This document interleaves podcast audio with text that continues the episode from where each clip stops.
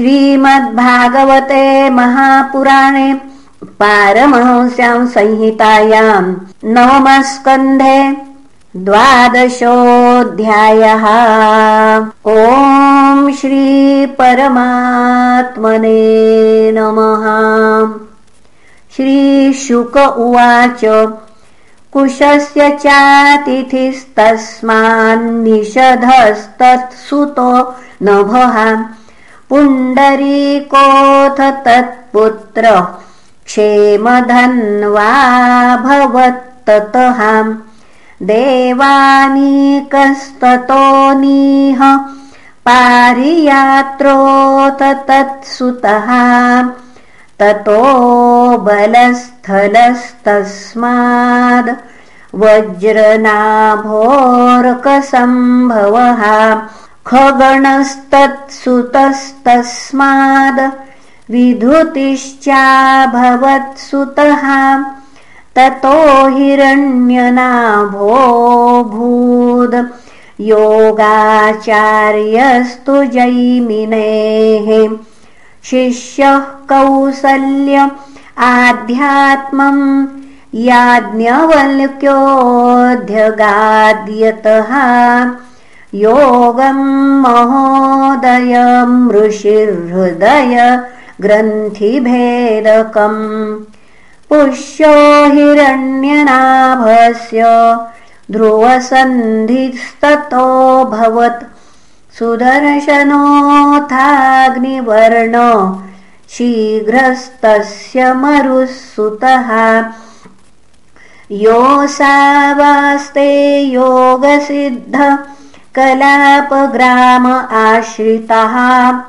कलेरन्ते सूर्यवंशम् नष्टम् भावयिता पुनः।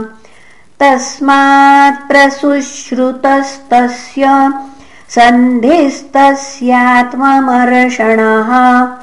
महस्त्वांस्तत्सुतस्तस्माद् विश्वसाभ्योऽन्वजायतो ततः प्रसेनजित्तस्मात् तक्षको भविता पुनः।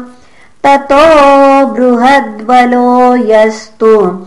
पित्रा ते समरे हतः। एते हिक्ष्वाकुभूपालाम् अतीता शृण्वनागतान् बृहद्बलस्य भविता पुत्रो नाम बृहद्रणः ऊरुक्रियस्ततस्तस्य वत्सवृद्धो भविष्यति प्रतिव्योमस्ततो भानुर्दिवाको वाहिनीपतिः।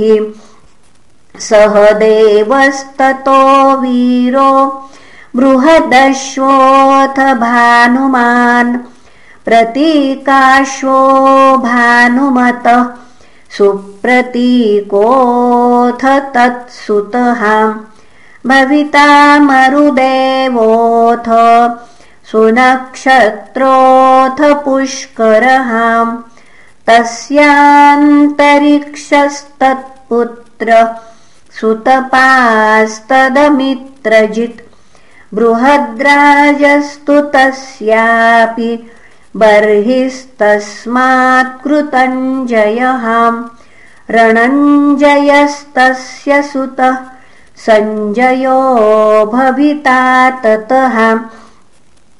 तस्माच्छाक्योऽथ शुद्धोदो लाङ्गलस्तत्सुतस्मृतः।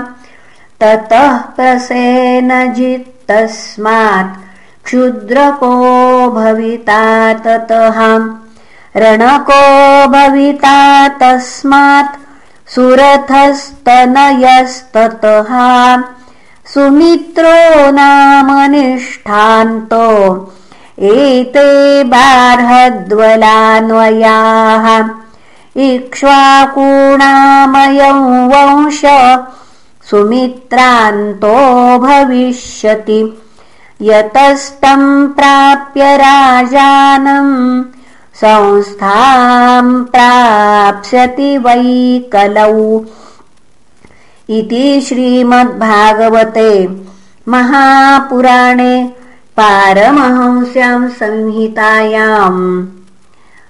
नवमस्कन्धे इक्ष्वाकुवंशवर्णनम् नाम द्वादशोऽध्यायः. श्रीकृष्णार्पणमस्तु. हरये नमः हरये नमः हरये नमः